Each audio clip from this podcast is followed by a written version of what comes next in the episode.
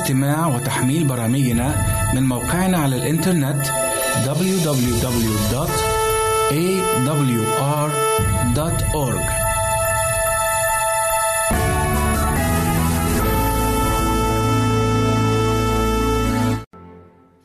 وكان في تلك المنطقة رعاة يبيتون في العراء يتناوبون حراسة قطيعهم في الليل. وإذ ملاك من عند الرب قد ظهر لهم ومجد الرب أضاء حولهم فخافوا أشد الخوف. فقال لهم الملاك لا تخافوا فها أنا أبشركم بفرح عظيم يعم الشعب كله. فقد ولد لكم اليوم في مدينة داود مخلص هو المسيح الرب. وهذه هي العلامة لكم تجدون طفلا ملفوفا بقماط ونائما في مذود. وفجأة ظهر مع الملاك جمهور من الجند السماوي يسبحون الله قائلين المجد لله في الأعالي وعلى الأرض السلام وبالناس المسرة. ولما انصرف الملائكة عن الرعاة إلى السماء قال بعضهم لبعض لنذهب إذا إلى بيت لحم وننظر هذا الأمر الذي حدث وقد أعلمنا به الرب. وجاءوا مسرعين فوجدوا مريم ويوسف والطفل نائما في المذود. فلما رأوا ذلك أخذوا يخبرون بما قيل لهم بخصوص هذا الطفل. وجميع الذين سمعوا بذلك دهشوا مما قاله لهم الرعاة. وأما مريم فكانت تحفظ هذه الأمور جميعا وتتأملها في قلبها.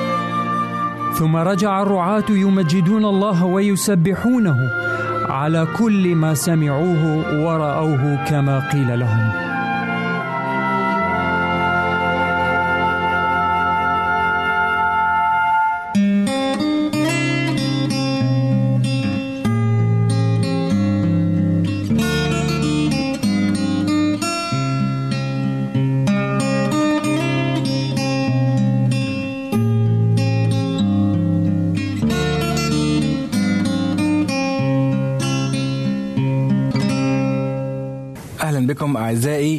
لقاء جديد وحلقة جديدة من برنامج الكتاب يتكلم. في هذا اللقاء سنكمل حديثنا عن مجيء السيد المسيح وموضوع بعنوان الغاية من مجيء السيد المسيح. سأطرح هذا السؤال على ضيوفي آه، جناب الأسيس سامح أهلا بحضرتك. أهلا بك وجناب الأسيس آه، توفيق أهلا بحضرتك. جناب الأسيس سامح آه، العنوان هو السؤال. أيوة. لأية غاية يأتي السيد المسيح؟ خطة الخلاص اللي وضعها المسيح منذ البداية منذ سقوط أبوينا الأولين وضع خطة خلاص لاستعادة الإنسان مرة أخرى إلى الحياة اللي فقدها نعم. المسيح إداله حياة أبدية وهو خسرها آدم خسرها نعم. فالمسيح كان غرضه الاستعادة وعلى الصليب قدم الثمن قدم الفداء ووعد قبل ما يقدم نفسه فدية على عود الصليب. ادى وعد حلو قوي. في يوحنا أصحاح 14 وعدد 2 و3 قال أنا أمضي لأعد لكم مكانا. وإن مضيت وأعددت لكم مكانا آتي أيضا وأخذكم إلي حتى حيث أكون أنا تكونون أنتم أيضا. يبقى اذا هو وعد بأنه لما يجي مرة تاني هياخدنا معاه وهيعد مكان لينا قبل ما يجي. فهذه هي الغاية من مجيء اللي مزبوط. هو ياخدنا. مظبوط. ما يسيبناش. طيب هل كانت ستكتمل يعني خطة الفداء لو آه لم أو لن يأتي المسيح أو لا يأتي المسيح؟ لا ما كده خطة الفداء تمت على وضع الصليب بس خطة الخلاص ما كانتش هتكمل إذا ما رجعناش للحياة اللي هو ادها فعلا. فإيه معنى إيه معنى إن هو يبتدي؟ آه. وما ينهيش. أكيد أكيد. وعشان كده إحنا متأكدين. طبعا. السيس سامح إنه آه المجيء الثاني هو حقيقة وسيتتم هذه الحقيقة في في الوقت المناسب. صحيح. لأن مش معقول آه المسيح يأتي إلى هذا العالم في المجيء الأول أي. ويعيش بيننا ويصلب ويموت ويقوم ويصعد إلى السماء وما ينفذش الجزء الثاني من الخطة. ده صحيح. ده صحيح. آه، الفداء أو الفداء الذي تم صح. آه، لا ينتهي إلا بمجيء المسيح ثانية. تمام. آم، مهمة الملائكة. مم. أسيس توفيق في هذا الحدث المجيء العظيم. آه، ما هي؟ اولا مجيء المسيح زي ما آه، بيوصفنا الكتاب المقدس سيأتي من السماء ومعه الملائكة. نعم. فهنا بيقول الكتاب المقدس فيرسل ملائكته ببوق عظيم عظيم الصوت فيجمعون مختاريه من الأربع الرياح من اقصاء السماء إلى اقصائها فهنا ما فيش حد مش هتوصله الملائكة مش هتوصل آه، آه، كل المسكونة الملائكة تقدر تستطيع أن لهم. أو يعني ده, ده, ده ده في في يوم المجيء نفسه. طبعا. تمام. المسيح سيرسل ملائكته عشان يجمع طبعا. المؤمنين والأبرار إليه من جميع أقصاء الأرض والسماوات. فغاية المسيح أن يأتي ليأخذنا وغاية الملائكة عندما تأتي هي تجمع كل المؤمنين وتصعدهم آه، على سحب المجد مع آه، المسيح. نعم. فإذا دور الملائكة هنا مهم جدا. أكيد أكيد. نعم. آه عايزين نتكلم بقى عن آه السماع الكتاب المقدس بيتكلم عن آه بوق عظيم زي ما ذكر الأسيس توفيق. نعم. وفي ملاك بي- بيبوق بهذا البوق. تمام. ماذا يحدث عند سماع البوق؟ ده هيحدث شيء عجيب جدا ومعجزي. يعني نقرأ عنه في تسالونيك الأولى 4 16 يقول الكتاب لأن الرب نفسه بهتاف بصوت رئيس ملائكة وبوق الله سوف ينزل من السماء والأموات في المسيح سيقومون اولا. آه. يعني هنا يعني- بيقول هتاف. والأموات بيقول هيقوموا. الأموات في يعني المسيح. هيسمعوا صوت البوق. أو هو البوق ده اللي- علامة ال- القيامة بوق و... وممكن يكون صوت المسيح نفسه لما بيقول الرب نفسه بهتاف بهتاف نعم. صوت رئيس ملائكة لأن في إنجيل يوحنا بيقول سيسمع جميع الذين في القبور صوته صوته. صوته. آه. مم. فممكن يكون الصوت ده كمان صوت المسيح نعم. وبعدين صوت المسيح بيختلف عن أي صوت تاني طبعا. أنا لو لي أحباء راقدين في القبور ورحت ناديت عليهم النهارده وجبت ميكروفون. مش هيسمعوني. طبعا. بس صوت المسيح في حياة بتسري وبتدب. لأن هو. واهب الحياة. هو واهب الحياة. وهو اللي يأخذها فاذا هو ليه السلطان على حياة البشر. مظبوط. هو الكتاب بيقول هو قال فكان أمر فصار. بكلمة الرب صنعت السماوات. نعم. وبنسمة فمه كل جنودها. فالصوت المسيح مش مهم الأموات دول إيه اللي حصل لهم. مم. في ناس أجسادهم تطايرت انتهت اتحرقت اتحرقت تحولت إلى رماد. تحولت تحولت إلى رماد. نعم. لكن صوت المسيح هيعيد هؤلاء مرة أخرى. يعني خلينا نتكلم عن ال- ال- ال- النقطة دي بالذات أسيس آه، سامح. ال ال الأبرار أو المؤمنين الذين رقدوا في المسيح على رجاء القيامة آه، وإحنا نعرف أن الموت هو رقاد. تمام. وعندما يموت الإنسان يذهب إلى حالة لا وعي تمام. تماما يعني. البعض يؤمن أن الروح يعني تحوم أو أيوة. تهيمن فوق ال- الإنسان أو تذهب إلى الخالق أيوة. لكن الكتاب المقدس يؤكد أن الإنسان عندما يموت والكتاب المقدس يقول أنه في حالة لا وعي لا تمام. يعرف شيئا تمام تمام. تمام. فاذا آه الآية دي مذكورة فعلا في مزمور 146 نعم. عدد أربعة. بيقول تخرج روحه فيعود إلى تراب. في ذلك اليوم نفسه تهلك أفكاره. تهلك. أفكاره يعني فيها خلاص. حالة لا وعي زي ما حضرتك قلت. فاذا آه فكرة إن الروح تبقى. أو يذهب إلى إذا كان مثلا آه، مطهر أو إلى الجهنم أو إلى السماء. كل هذه أفكار غير كتابية غير واردة في الكتاب غير المقدس. المسيح يتحدث عن رقاد حتى لما كانت بنت آم، القائد المئة أعتقد أيوة. اللي ماتت آه، قال عنها إن هي نايمة. أيوه. كان الموت هو عبارة عن رقاد أو نوم. وعاد المسيح وأقامه. والعصر كمان أقامة يعني وكل بالظبط صح.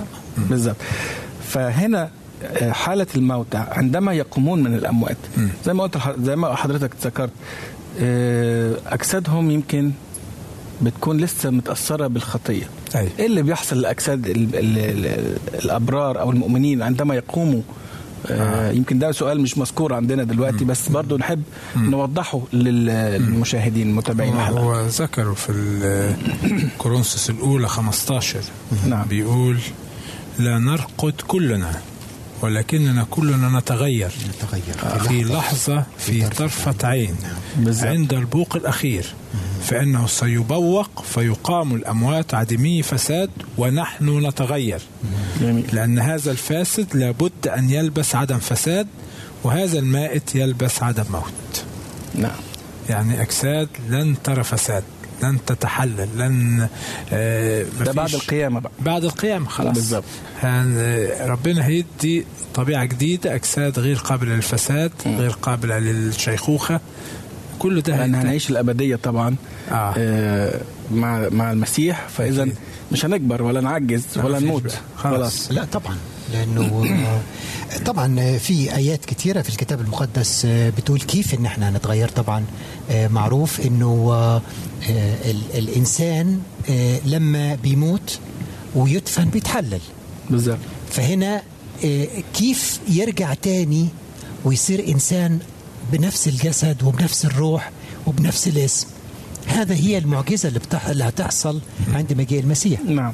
بالبوق الأخير سنقام من الأموات كل اللي ماتوا على رجاء القيامة على لما يجي المسيح. نعم. فكل الأشياء دي م- م- موجودة في الكتاب المقدس. تمام.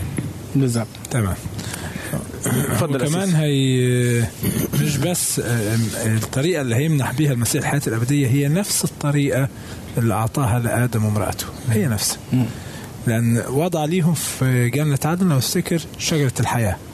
عشان يأكلوا منها ويحيوا إلى الأبد. ده كلام ربنا. ولما طرد الإنسان كان غرض ربنا قال لعله يمد يده ويأكل ويحيا إلى الأبد. ما كانش ربنا عايز آدم يعيش بالخطية للأبد علشان كان مدبر له خطة خلاص عشان يرجعه لطبيعته الأولى. نعم. في الحياة الأبدية بيذكر أن هيكون في شجرة حياة وورقها لشفاء الأمم. فإذا نفس الخطة اللي ربنا اداها لآدم هترجع مرة تاني أن المؤمنين هياكلوا من شجرة الحياة وهتمدهم بالحياة الحياة الأبدية. الأبدية. عظيم جدا. آه، اتكلمنا عن ال- الأموات الأبرار. السيس توفيق. نعم. وإن هم هيقوموا ويتغيروا. ماذا يحدث بالأحياء الأبرار عند مجيء هيكون في طبعا آه، أناس طبعا. على قيد الحياة أكيد. عند مجيء المسيح. أكيد. أكيد. وفي ماذا يحدث لهؤلاء؟ في الحلقة السابقة والحلقات السابقة قلنا أنه عند مجيء المسيح والغاية من مجيء المسيح أنه في أحياء أبرار وأحياء أشرار وأموات أبرار وأموات أشرار. فهو الغاية من مجيئه أنه ي- جاء ليأخذ الأبرار الأحياء والأبرار الأموات. فهنا بيقول برضه في تسالونيكي. تسالونيك الأولى رسالة بولس الرسول إلى أهل تسالونيك الأولى 4 17 بيقول ثم نحن الأحياء الباقين سنخطف جميعا في السحب لملاقاة الرب في الهواء.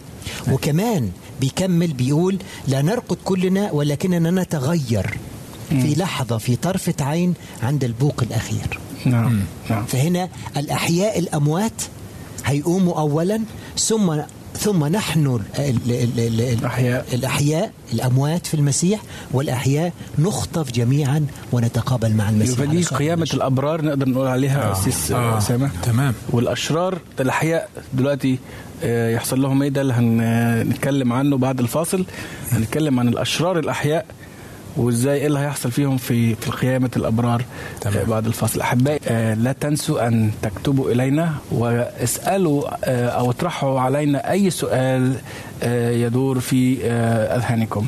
نحن بانتظار رسائلكم وسنعود بعد الفاصل فكونوا معنا. إذاعة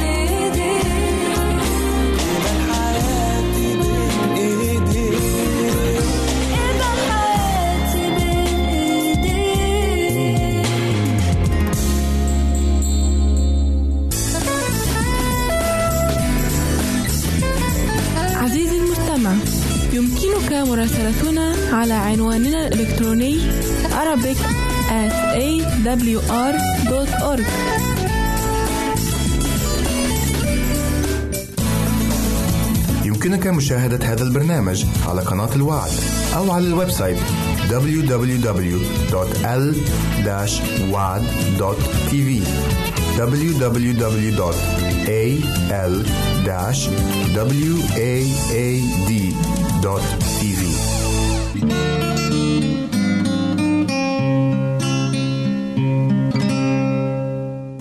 عدنا إليكم مستمعين لنكمل موضوعنا عن القيامة وما يحدث عند مجيء المسيح بالنسبة للأشرار وبالنسبة للأبرار والغاية من مجيء المسيح.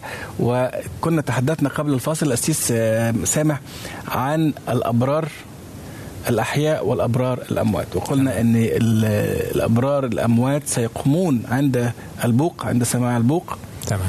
ليتحدوا مع الأبرار الأحياء. والجميع يخطفون إلى السحاب مع السيد المسيح. ويذهبون إلى السماء. مظبوط. هيكون في فئة دلوقتي كبيرة من الأشرار الأحياء مم. وفئة من الأشرار الأموات. نتكلم دلوقتي عن الأشرار الأحياء. أيوه يحصل لهم إيه بقى في الوقت أشرار ده الأحياء بيذكر لنا سفر الرؤيا في أصحاح ستة ودي بت بتوري مجيء المسيح الثاني والأحداث اللي هترافق مجيء المسيح الثاني. نعم. فبيذكر من عدد 12 خلينا نقرأ من عدد 12 بيقول ونظرت لما فتح الختم السادس وإذا زلزلة عظيمة حدثت والشمس صارت سوداء كمسح من شعر والقمر صار كالدم ونجوم السماء سقطت إلى الأرض كما تطرح شجرة التين سقاطة إذ هزتها ريح عظيمة. والسماء انفلقت كدرج ملتف وكل جبل وجزيرة تزحزحا من موضعهما. وملوك الأرض والعظماء والأغنياء والأمراء والأقوياء وكل عبد وكل حر أخفوا أنفسهم في المغاير وفي صخور الجبال وهم يقولون للجبال والصخور أسقط علينا واخفينا عن وجه الجالس على العرش وعن غضب الخروف لأنه قد جاء يوم غضبه العظيم ومن يستطيع الوقوف. فواضحة إن الأحداث اللي مجيء المسيح الثاني بترافقها هيكون يوم خوف وذعر بالنسبة للخطاة. لما يشوفوا المسيح جاي وبيقول الكتاب إن هم أخفوا أنفسهم. قعدوا يستخبوا من وجه الرب. صح. وطلبوا من الصخور والاكام إن هي تسقط عليهم عشان تخفيهم عن وجه الجالس على العرش. وهيموتوا فعلا. هذا ده مصير الأشرار الأحياء. الأحياء. مظبوط. الأشرار. آه. طيب بالنسبة للأشرار الأموات. الأشرار الأموات بيوضحها موضوع الألف سنة في رؤية عشرين بالظبط بيوضحها في عدد خمسة بيقول والأول بيتكلم عن الأبرار اللي هم كانوا ميتين وقاموا ومع ال- الأحياء اللي كلهم صعدوا وتغيروا بيقول فعاشوا وملكوا مع المسيح ألف سنة وأما بقية الأموات فلم تعش حتى تتم الألف سنة آه. بقوا آه في القبور لم يعني. تحيا آه. لم تحيا بقوا في قبورهم آه. وجم اللي كانوا أحياء ماتوا كمان جنبيهم. جنبي آه خلص آه. لمدة ألف سنة كاملة لمدة ألف سنة. طيب نتكلم بقى عن حالة الموتى. السيس آه، توفيق مثلا الإنسان عندما يموت إذا كان مؤمن أو غير مؤمن آه، ماذا يحدث للإنسان عندما يموت؟ أكيد إحنا آه، بنشبه الموت زي ما قلنا بالرقاد بال- بالنوم. نعم. وده اللي بيقوله الكتاب المقدس وبيعلمنا. وبعض الأحيان لما نتساءل كيف إن الإنسان آه، بيموت. هو الإنسان آه، عبارة عن تكوين الروح النفس لأن ال ال ال ال في آه، تكوين. لما خلق الله الإنسان الأول جبل ترابا من الأرض. وبيقول الكتاب شكل هذا ال- التراب طين. وشكله وبعدين فنفخ في أنفه نسمة حياة. نسمة حياة. يبقى هنا نسمة الحياة اللي أعطت للتراب حياة. بالظبط. فصار الإنسان نفسا حية تمام. فهنا تكوينه إيه؟ تكوينه تراب زائد نفس. نفس أو نفس آه، آه، آه، يعني نف- نفخة. نسمة. نفخة أو نفس ن- نسمة من من عند الله. فصار الإنسان نفسا حيه لو شلنا ال- ال- ال- الن- النفس ده أو النفخة دي. إيه اللي هيحصل؟ هيصير ميت هيصير. تراب. فعشان كده آه، لما الإنسان بيموت وأنا آه، كان عندي اختبار شفت بعض الأشخاص اللي هم بي بي بيموتوا بيموتوا حي لا شفت ال- ال- النفخة أو النفس أو الروح دي بتطلع زي حمامة ولا بتطلع كذا حاجات. كل الحاجات دي خرافات إحنا ما نؤمنش بيها. النفس بيتوقف الإنسان بيموت. بس يموت خلاص الجسم بي بي بيرجع لطبيعته. أيوة. بتتركه في التراب يتحول إلى تراب نهائي. بيرجع إلى التراب زي ما بيقول الكتاب المقدس. لكن في, بيرجع نا- التراب. في في ناس بتؤمن إن ال- النفس أو الروح الروح بقى. الروح آه. يعني تبقى الآية اللي قراها الأسيس توفيق واضحة جدا جدا وبتريح وفي آيات كتير بتتكلم عن موضوع الروح. بس خلينا نرجع للآية تاني اللي هي في تكوين اتنين بيقول تكوين اتنين سبعة وجبل الرب الإله آدم ترابا من الأرض. هو بيقول كيف اتصنع آدم. نعم. وجبل الرب الإله آدم.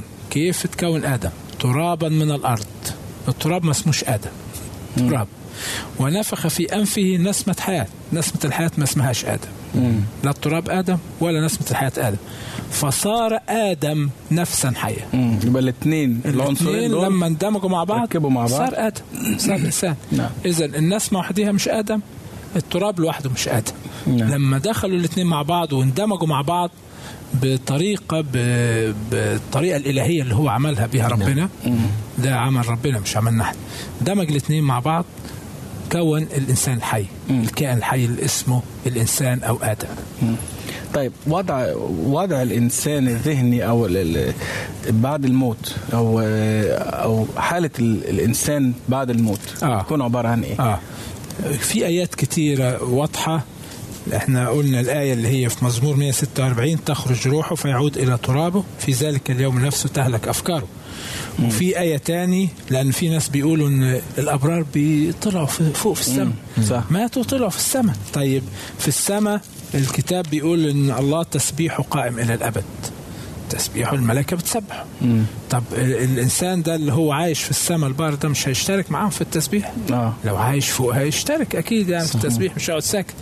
لكن الكتاب واضح في مزمور 115 وعدد 17 يقول ليس الأموات يسبحون الرب ولا من ينحدر إلى أرض السكوت. أرض السكوت الهدوء الأرض الهادية أرض الموتى. الموتى, موتى الراقدين. انت بت- بتدفن آه. في آيات تاني لو رجعنا يعني ال- ال- السؤال قبل ما تطلع الآية آه. الثانية السؤال هو اسيس ما الغاية؟ إحنا بنتكلم عن غاية المجيء. آه. ما الغاية من مجيء ال- المسيح مرة ثانية والابراج صح. هناك. يعني والكتاب واضح إن هو هيقيم الأبرار. آه مظبوط. ما الغاية من مجيئه؟ لو كانوا الأبرار موجودين في السماء هينزلهم تاني هينزلهم تاني وي- يعني ويطلعهم يعني. يقومهم يموتهم ويقومهم تاني. مش معقول يعني. الغاية من مجيء المسيح. هو, هو أن القيامة لأنه قال يقيم أنا. أنا هو القيامة والحياة. والحياة. القيامة والحياة. وده وعد. فإذا كان هيجي عشان يقوم الأموات يقيم الأموات فلو هم موجودين في السماء لغاية دلوقتي مش لازم يجي. يبعت الملائكة ياخدوا ال ال ال ال الأبرار الباقيين. الباقيين الأحياء. الأحياء ويدين وبعدين الأشرار وخلاص. ويدينوا خلاص. لكن ال- لكن الكتاب واضح إن هو هيقيم الأبرار الأموات في المسيح, المسيح يقومون اولا. آه. الأموات في المسيح فاذا الأموات في المسيح هم موجودين آه. في القبور وليس أكيد. في أكيد. في في السماء؟ وبعدين في مزمور ستة بيقول لأنه ليس في الموت ذكرك في الهاوية من يحمده. والهاوية هنا عن القبر. بالظبط. الهاوية وثانيا إنجيل يوحنا 14 واحد من واحد ثلاثة بيقول أنا ذاهب لأعد لكم مكانا وإن أعددت المكان آتي أيضا. لأخذكم. فلو هم موجودين هناك بيقول لك مش لازم أجي أنا. موجودين أحطهم في المنازل المنازل الكثيرة مظبوط. فهي دي باينة إنه فعلا أو واضحة في الكتاب المقدس إن المسيح سيأتي والغاية من مجيئه أنه يقيم الأموات في المسيح والأحياء ونقام كلنا ونصعد معه في. ناخد كلمات الرب يسوع نفسه في إنجيل يوحنا أصحاح خمسة نعم وعدد 28 بيقول لا تتعجبوا من هذا فإنه تأتي ساعة فيها يسمع جميع الذين في القبور صوته. آه. فيخرج الذين فعلوا الصالحات إلى قيامة الحياة والذين عملوا السيئات إلى قيامة الدينونة. الجميع هنا بيقول لك جميع. آه، جميع. فإذا الذين فعلوا الصالحات هم في القبور. في القبور بس. هيسمعوا صوت المسيح وهيقوموا من الأموات. فاذا آه الإنسان اللي بيقول لما قريب واحد مثلا مات مؤمن بيقول دلوقتي هو مع المسيح. آه. أو هو يعني دي آه، لو أنا ما أحبش احبائي المشاهدين حد يزعل مني بس هنقولها من الكتاب. نعم. تصديق الناس إن الإنسان حتى بعد ما بيرقد إنه ما ماتش. دي أكذوبة الشيطان. نعم. والناس ما زالت للأسف بتصدق هذه الاكذوبه منذ منذ جنة عدن. منذ جنة آه، يا لن تموت لن تموتا لن تموت. فهذه كذبة يعني- الشيطان من آه، من الجنة. مظبوط. لما لما ال- الله هيقول لهم قال لهم موتا تموتا. الشيطان قال لهم إيه؟ لن لن تموتا. تموتا. وما زال بيستخدم هذه الأكذوبة النهارده أيضا. للأسف. آه. فاذا آه، نحن نؤمن أن الموت هو رقاد. نعم. وفي لحظه في في لحظة في طرفة عين زي ما بيقول ال- الكتاب المقدس الرقاد يعني بين ال... ال... إحنا لما بننام بالليل ما بنحسش بالثمان ساعات أو بالتسع ساعات اللي إحنا بننامهم بتكون صحيح. بتكون لحظة صحيح. لأن في عدم وعي في في لا وعي عدم إحساس عدم شعور نعم. آه فالوقت ما بيمرش زي ما إحنا بنكون آه. واعيين متيقظين بالظبط بالظبط وفي ناس هتتساءل أساس امير هيقول طيب عندما يموت الإنسان التراب يرجع إلى التراب. الروح بتروح فين؟ أو النفس أو النفخة أو ال ال ال ال الشيء بترجع بيه. الكتاب المقدس واضح جدا. بيقول لك ترجع إلى خالق خالقها آه، المصدر. صح. زي الضوء. يعني الضوء أو اللمبة إحنا بنولع ال- اللمبة بتولع. بس نطفيها من الكوبس. إيه اللي بيحصل؟ النور بيروح والكهرباء بترجع للمصدر. فهو ده اللي بيحصل بالظبط. لكن هل ال- الأر- الأرواح أو ال ال النفس اللي هي آه، آه، بتحوم حوالينا وهي موجودة وساكنة معانا والحاجات دي كلها إحنا لا نؤمن بها لعل الكتاب المقدس ما وده شيء بيريحنا الحقيقة. عشان آه نطمن إنه المسيح سيأتي بيقول وعشان ننهي الحلقة. حضرتك بس آخر حاجة العازر لما مات نعم. والمسيح راح يقومه. قال له العازر هلم إيه؟ خارجا. خارجا. ما قالوش لا نازلا ولا- ولا صاعدا آه. خارجا كان في القبر. بالضبط. آه المسيح بيقول وها أنا آتي سريعا وأجرتي معي لأجازي كل واحد كما يكون عمله. ليتنا نكون من هؤلاء الناس الذين يعملون الصلاح. حتى عندما يأتي المسيح نكون مستعدين لمجيئه. انتهت حلقتنا. آه، ننتظر منكم رسائل. ولكم مني خالص تحيات وإلى أن نلتقي مجددا. الرب معكم ويرعاكم.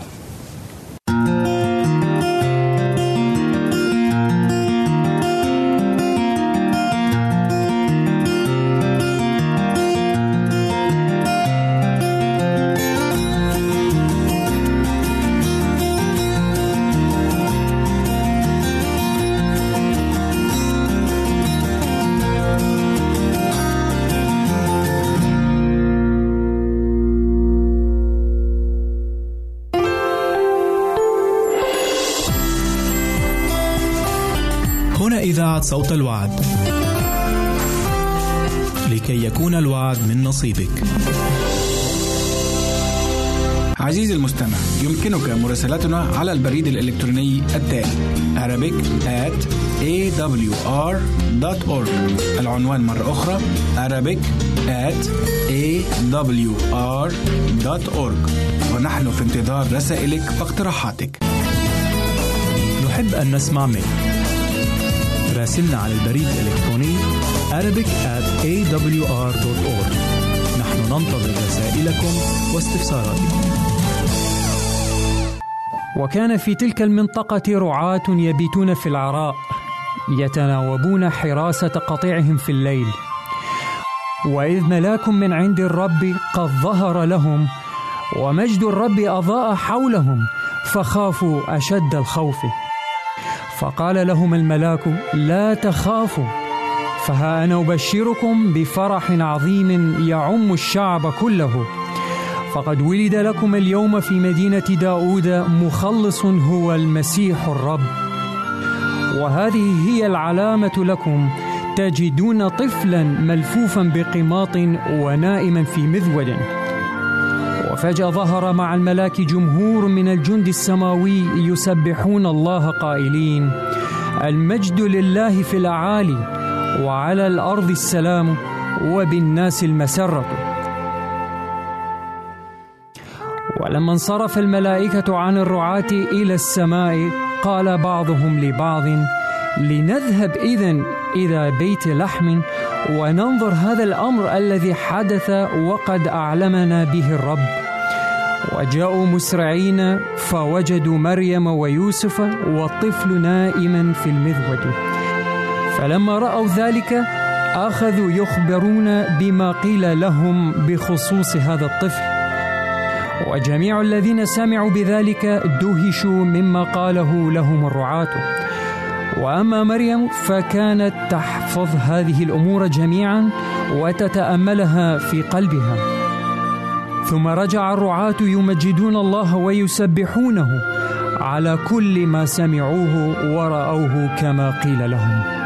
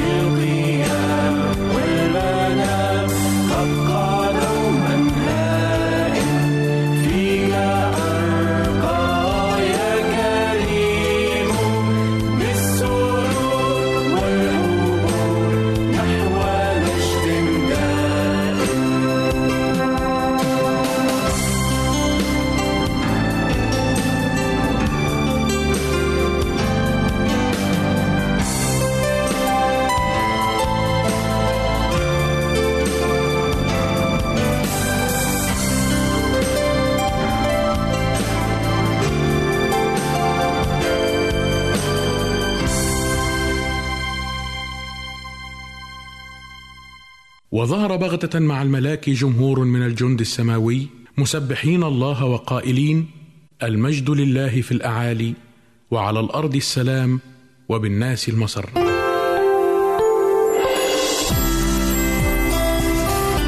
هنا إذاعة صوت الوعد. لكي يكون الوعد من نصيبك. عزيزي المستمع يمكنك مراسلتنا على البريد الإلكتروني التالي Arabic at awr.org العنوان مرة أخرى Arabic at awr.org ونحن في انتظار رسائلك واقتراحاتك. نحب أن نسمع منك. راسلنا على البريد الإلكتروني Arabic at awr.org نحن ننتظر رسائلكم واستفساراتكم. نلتقي بكم أعزائنا المستمعين اليوم لنقدم لكم حلقة جديدة من البرنامج الشيق هل تعلم؟ والذي يتضمن مجموعة من المعلومات التي نرجو أن تنال رضاكم فأهلا ومرحبا بكم معنا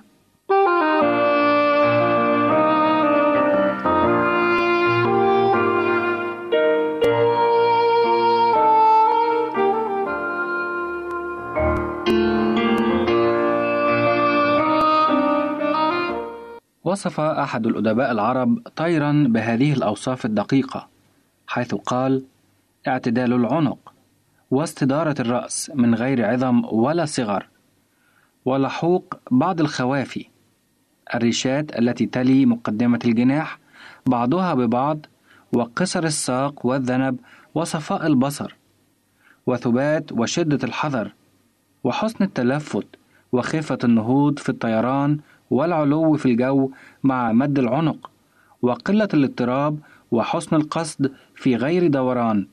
فهل تعلم ما هو هذا الطير؟ إنه الحمام الزاجل الذي كان يختار بدقة ويتم تدريبه ليحمل الرسائل مسافات بعيدة. عرفت الشعوب منذ أقدم العصور مقدرة الحمام في التعرف على طريق العودة إلى مأواه الأصلي. فقد استخدمته جيوش الفراعنة والفرس والأشوريين والفينيقيين في نقل الرسائل من مواقع القتال. أما تدريب الحمام فكان يبدأ بعد اختياره وانتقائه صغيرا فتحمل الفراخ جائعة إلى سطح إحدى الدور في منتصف النهار وينشر الحب على السطح حول صار فوقه علم على أن يكون العلم واضح اللون حتى يمكن الاهتداء إليه وفي أغلب الأحيان كان إطلاق الفراخ بعد مدة من قص ريشها على أن تطلق مثنى بحيث تكون إحداهما أحدث قصا لريشها من صاحبتها. ثم يطلق المدرب الحمامة التي نما ريشها فلا تلبث أن تعود إلى صاحبتها وبذلك يضمن المدرب تأليف الحمام وعودته إلى أمكنة تدريبه. وقد ازدهرت المراسلة بواسطة الحمام الزاجل أيام يوليوس قيصر الذي كان يوافي روما بأخبار انتصاراته في بلاد الغال عن طريق الحمام. كما أن أخبار الألعاب الأولمبية القديمة كانت تتم عن طريق رسائل يحملها الحمام. وقد بلغ استخدام هذا الحمام في مصر درجة كبيرة من التقدم والرقي. ويذكر ابن الأثير أن الفاطميين استخدموه في نقل الأخبار من سفن الاستطلاع التي كان يوكل إليها مراقبة حركات الأساطيل المعادية التي دأبت على الإغارة على شواطئ إفريقيا بصفة خاصة في أواخر العهد الفاطمي. وقد قطعت البحرية الفاطمية شوطا كبيرا في استخدام الحمام لربط الأسطول بقواعده البرية والحصول على معلومات من أجل الدفاع والاستعداد للعدو. واستخدمه الفاطميون في نقل الأخبار بين أجزاء إمبراطوريتهم في المشرق والمغرب. ولقد كانت هناك خطوط للبريد الجوي ومحطات ومسارات ومطارات تربط مصر بالشام وغيرهما من البلدان. تعتبر اللؤلؤة المسماة نجمة الغرب أشهر لؤلؤة في العالم وحجمها يبلغ حجم بيضة العصفور. فهل تعلم أنها استخرجت من شواطئ أستراليا من حجارة عملاقة عام 1917 وبيعت بمبلغ 6000 جنيه استرليني. وكان هذا المبلغ خياليا في ذلك الحين. ولقد عرف الإنسان اللآلئ واستخدمها للزينة منذ القدم. وتظهر المصريات القديمات في رسومات حوائط المعابد وهن يلبسن أقراطا عبارة عن أطواق من الذهب تتدلى منها قلادات من اللآلئ والأحجار الكريمة. وتذكر الأساطير الهندية أن الإله فيشنو هو الذي يقوم بمسح البحار والمحيطات بحثا عن هذه الجواهر الثمينة ويعود بها إلى الهند ليقدمها كهدية زواج إلى ابنته. ومن أشهر اللآلئ في التاريخ القديم مجموعة الملكة المصرية كليوباترا التي يحكى عنها أنها أذابت أجمل لآلئها في النبيذ. وشربتها في وليمة أقامتها على شرف أنطونيو.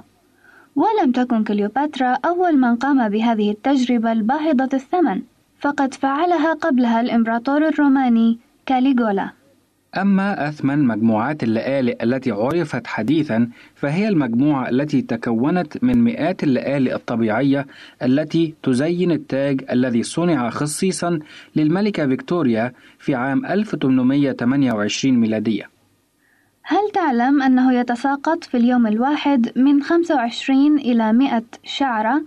ولكن الإنسان الوافر الصحة يستعيدها في نفس اليوم. وأن حياة الشعرة لا تزيد عن السنتين ثم تسقط؟ وأن الشعر ينمو بمقدار 12 ملم تقريبا في الشهر وتتوقف سرعة نموه على درجة حرارة الجو فهو في الصيف أسرع نموا منه في الشتاء.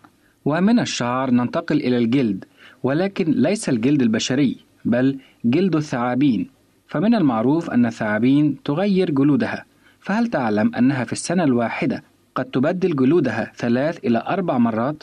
إن تبديل الثعبان لجلده أمر ضروري وحيوي للثعبان أثناء زحفه على الأرض واحتكاكه بما يصادفه في طريقه من أشياء، كما يساعده تجديد جلده على إيجاد حاجز لجسمه يمنع عنه المؤثرات المؤذية للأشعة فوق البنفسجية إذا امتص منها جسم الثعابين كميات زائدة. والثعبان لا ينتظر حتى يبلى جلده تماما فهو حيوان أنيق لا يطيق حلة رثة مهترئة ولكنه يغيرها بجلد جديد على الدوام ويغير الثعبان جلده في العادة ثلاث إلى أربع مرات في خلال السنة وهذا يعتمد على زيادة حجمها وعلى الجروح التي تصيب جلودها حيث تتكون طبقات عديدة من الجلد تساعد على التئام الجروح. والأضرار التي تصيب جلده سواء ما ينجم عن الإصابات أو الأمراض سرعان ما تأخذ في التحسن بشكل ملحوظ وتختفي تماما وذلك بتجدد القشرة والبشرة الخارجية. وغالبا ما يخفي الجلد الجديد أي علامة أو جرح من هذه الجروح والإصابات التي تلحق بالثعبان هل تعلم أن الصقور لا تشرب الماء إلا نادرا؟ فهي تحصل على الماء من اللحم الذي تأكله وليس للبدو نظرية ثابتة في هذا الموضوع وهم يضعون الماء على خياشيم الصقور في القيظ كي يساعدوها على تعويض ما تفقده من الماء بسبب الجو الحار في منطقة الخليج والجزيرة العربية. إلا أن الماء لا يقدم للصقر في الشتاء والربيع، والأمر في ذلك يعود إلى تفهم الصقار لحالة صقره وخبرته. وإذا كان الصقر يشرب الماء كثيرا فذلك دليل المرض أو نذير بأن حالة الطير الصحية في تدهور والواقع أنه إذا كان نظام الغذاء جيدا فلا خطر على الصقر من الموت عطشا يعتبر صوف حيوان الفيكونا أثمن صوف في العالم فهو أجود من صوف المارينو والمهير وغيرها وهذا الحيوان من فصيلة الجمال الأمريكية وموطنه جبال الإنديز في أمريكا الجنوبية. ولكن هل تعلم أن هذه الجمال ليست لها القابلية على تحمل العطش؟ فهو لا غنى له عن شرب الماء يوميا، ويعيش على الحشائش القصيرة وينفر من الطويلة ومن الأعشاب، وهذا بالرغم من كونه قادر على تناولها بحكم أسنانه. إذ أن الفيكون يبدل أسنانه مرارا وتكرارا، فهو في غير حاجة إلى رعاية طبيب الأسنان. ولعل أطرف ما يذكر عن حيوان الفيكونة ما اتصل بصغاره التي تولد في فصل الصيف. فهذه عداءة من الطراز الأول وتستطيع أن تسبق أبطال الجري الأولمبيين وذلك بعد مولدها بلحظات أي أنها لا تكاد تخرج من بطن أمها حتى تستكمل نموها ويصبح في إمكانها تحطيم أرقام قياسية للركض. تستطيع أنثى العنكبوت أن تركض 33 مرة طول جسمها في الثانية، فلو تمكن الإنسان من التنقل بمثل هذه السرعة، لكان قادرا أن يعدو بسرعة 217 كيلومتر في الساعة. روى الرحالة ماركو بولو في مذكراته عن إمبراطور منغوليا أنه شاهد عنده أكثر من 100 فهد مدربة على الصيد فهل تعلم لماذا اختاروا الفهد لهذه المهمة؟ لقد اختير الفهد للقيام بهذه المهمة نظرا لقدرته الفائقة على الركض فهو يعتبر من أسرع الحيوانات في العالم ويقدر خبراء الحيوان سرعته بحوالي 100 كيلومتر في الساعة إلا أن حجمه الصغير وتركيبه النحيف يشكل عقبة كبيرة أمام نشاطاته إذ يكفي أن يركض الفهد مسافة 500 متر حتى تنهك قواه كما أن أي خطأ في تقدير المسافة التي عليه أن يركضها يجعله يفقد صيده. وكان الصيادون يفضلون اصطياد الفهد الصغير حيث يقومون بتدجينه وتدريبه على الصيد. وعندما يتقن ذلك يأخذونه معهم في رحلات صيدهم التي تمتد لعدة أيام حيث كانوا يعصبون عينيه ويركبونه خلفهم على ظهور الخيل. وعندما يقترب الصياد بشكل كاف من غزال أو حيوان آخر يطلق الفهد باتجاهه وما أن يصطاد الفهد الفريسة حتى يوجه الصياد الضربة القاضية لها ويحصل الفهد على أحشاء الفريسة مكافأة له. والفهد الذي دجن في وقت من الأوقات أخذ ينقرض لأن الكثير من الفهود تموت أثناء الأسر، كما أنها لا يمكن أن تتوالد وهي في الأسر. غير أن انقراض الفهود يعود لاهتمام الإنسان ليس باستخدامه للصيد بل لقتله والاستفادة من فروه الجميل الذي يباع بأسعار خيالية. كما أن الازدحام السكاني أخرج الفهود من مواطنها التي تمتد من أقصى نقطة في جنوب القارة الإفريقية إلى أطراف صحاري منغوليا في آسيا. وجعلها تنحسر في الوقت الحاضر في قلب القارة الإفريقية فقط ذات البحيرات الكبيرة. والمعروف الآن أن الفهد لا يستطيع التأقلم مع تغيرات البيئة سواء كانت طبيعية أو مصطنعة وهو يعتمد بشكل كامل على صيده ولا يستطيع إيجاد حلول بديلة عندما تختفي أو تندر فريسته العادية. أعزائي المستمعين نتمنى أن تكون المعلومات التي قدمناها لكم اليوم قد راقت لكم. هنا سليم وسامي سعيد يهديانكم أحلى التحيات ويتمنيان لكم بركة الرب القدير. حتى نلتقي بكم في حلقة قادمة نقول لكم إلى اللقاء.